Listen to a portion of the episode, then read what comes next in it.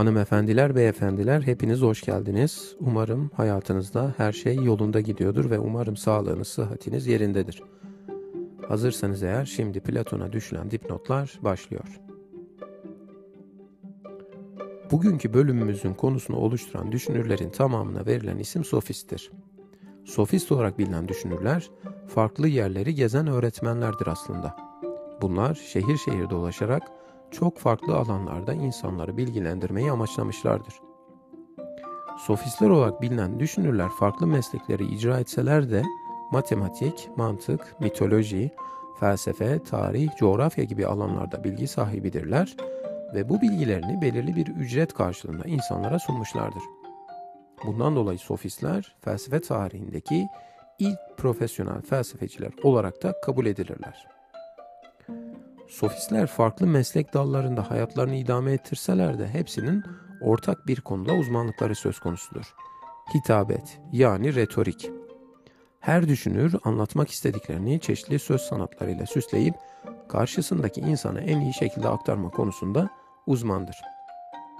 İlk çağda hitabet konusunda uzman olmak, entelektüel birikimin aktarılması için olmazsa olmazlardan kabul edilir. Peki bu düşünürlere niçin sofist adı verilmiştir? Gelin bunu birlikte öğrenelim. Yunanca'da sofistes yani sofist kelimesi felsefede hemen herkesin ilk etapta bildiği bilge ya da bilgelik anlamlarına gelen sofos ve sofya kelimeleriyle ilişkilidir ve antik Yunan'da bu iki kelimenin akla gelen ilk anlamı belirli bir zanaatta usta olan kimse ya da belirli bir zanaatta ustalık olarak kabul edilir. Örneğin fırıncı, tamirci ya da başka işlerle meşgul olan kişiler sofos yani işinin ehli ya da ustası olarak bilinir. Bundan dolayı antik Yunan'da sofos, bilen, bilgili, bilge, usta gibi anlamları çağrıştırır.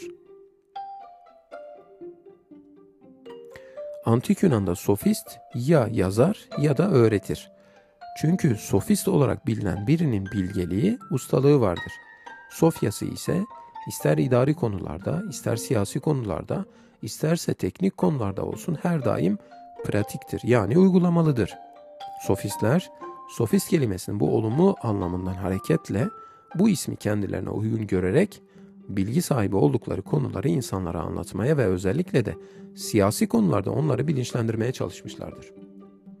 Buraya kadar sofistlerin olumlu özelliklerine vurgu yapsak da bir süre sonra insanların yanlış anlamaları ya da aktarmaları sebebiyle felsefe tarihinde olumsuz bir etikete sahip olmuşlardır.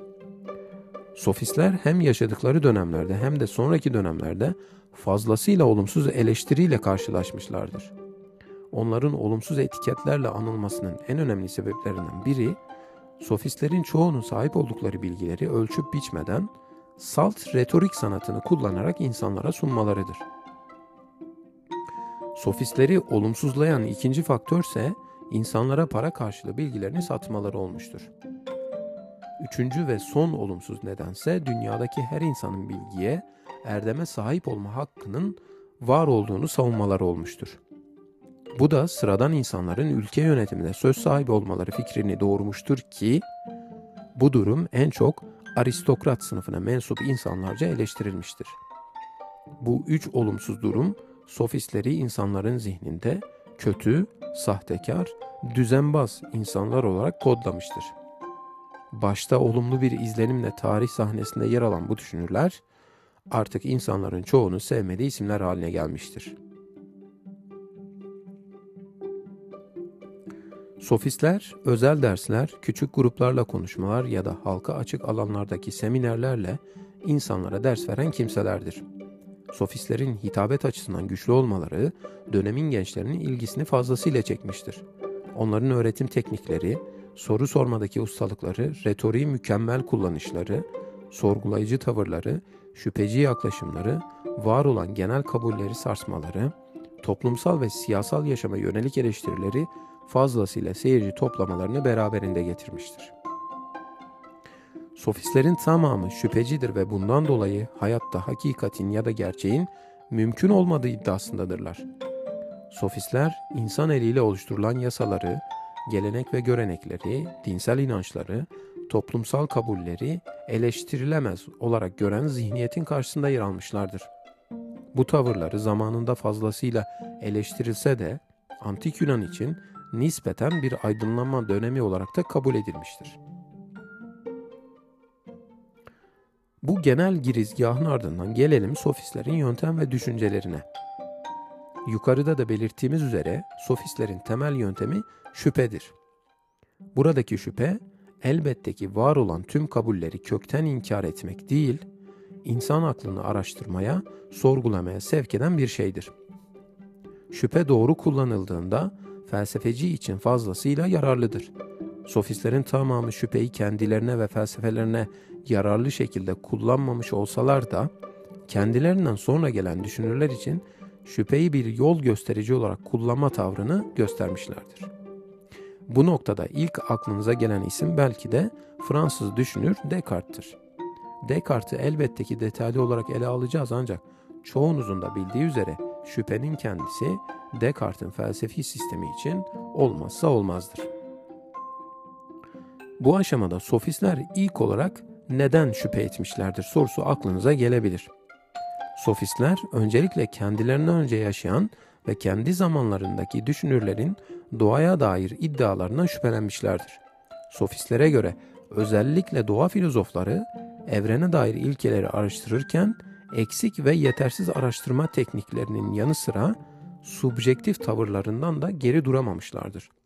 Bundan dolayı sofistler şüphenin kendisini öncelikle doğa filozoflarını eleştirirken kullanmışlardır diyebiliriz. Buraya kadar sofistlere dair genel bir çerçeve çizmiş olduk.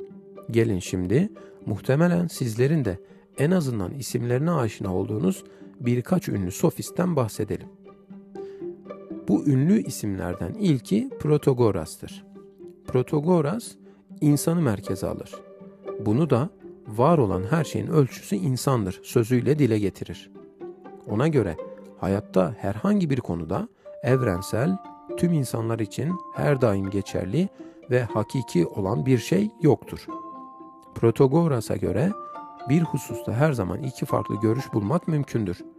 Bundan dolayı ortak, mutlak, genel geçer bilgiden, erdemden ya da ahlaktan söz etmek de mümkün değildir. Hayattaki her doğru, her gerçek ya da hakikat, onu duyu organlarıyla algılayan kişiye göre değişkenlik gösterir. Hava bir insan için onu üşütecek kadar soğuk olabilirken, başka biri için ideal sıcaklıkta olabilir.'' Protagoras, duyu organlarının her insanda farklı algılara sebep olduğunu düşünerek relativizm yani görelilik öğretisinin temelini atmıştır. Göreliliğe göre her türlü bilgiye şüpheyle yaklaşmak gerekir ve yine her türlü bilgi duyu organlarıyla bilgiye ulaşan insanın algılarına göre değişkenlik gösterdiğinden kesin, mutlak, genel geçer bilgi söz konusu değildir. Bundan ötürü bilgi kişiden kişiye, zamandan zamana toplumdan topluma değişkenlik gösterir.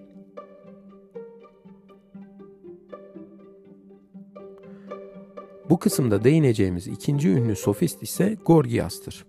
Muhtemelen Gorgias'ı da bir yerlerden duymuşsunuzdur. İsmini duymasanız bile hiçbir şey yoktur, olsa da bilinemez, bilinse de başkalarına aktarılamaz gibi havalı bir cümleyi duymuşsunuzdur diye düşünüyorum.''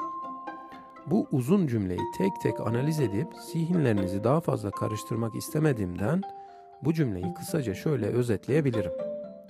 Gorgias da tıpkı Protagoras gibi insanı ölçü alır ve varlığın bilginin olmadığını, bizim varlık ya da bilgi diye adlandırdığımız şeylerin insanların sözlerinden, cümlelerinden ibaret olduğunu düşünür. Yani ona göre de en nihayetinde kesin, mutlak, genel geçer bilgiden erdemden ya da ahlaktan söz etmek mümkün değildir.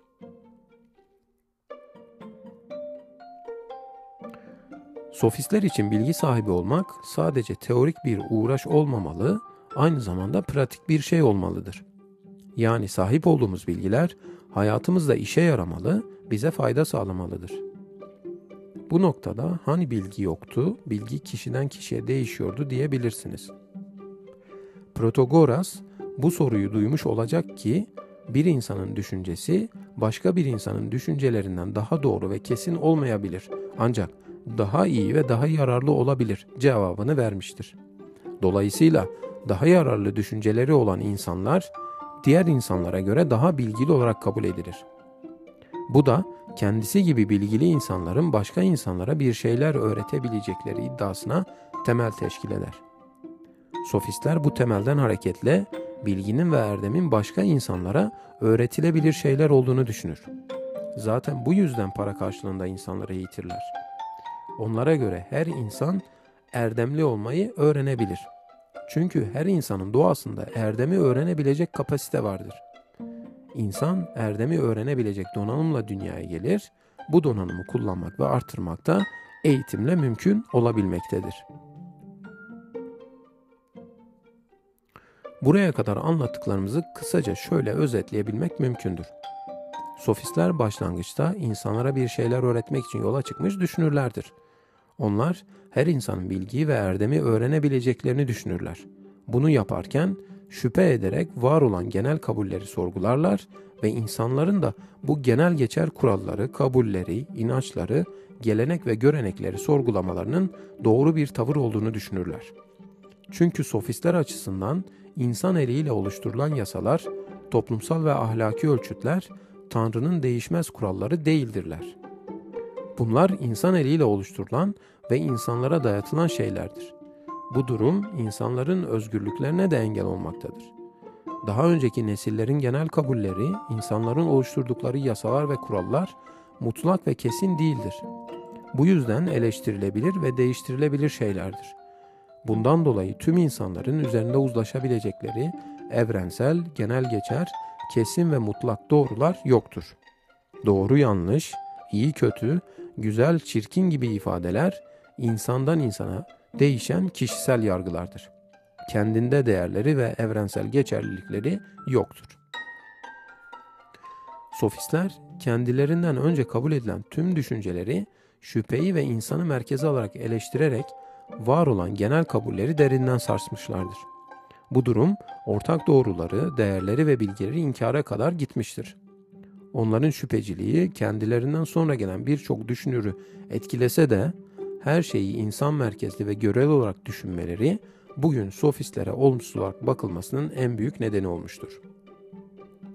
Bu bölümde sofistleri sizlere anlatmaya çalıştım. Bir sonraki bölümde felsefe tarihinde fazlasıyla iz bırakan Sokrates'e değiniyor olacağız. Bir sonraki bölümde yeniden görüşmek üzere, hoşçakalın.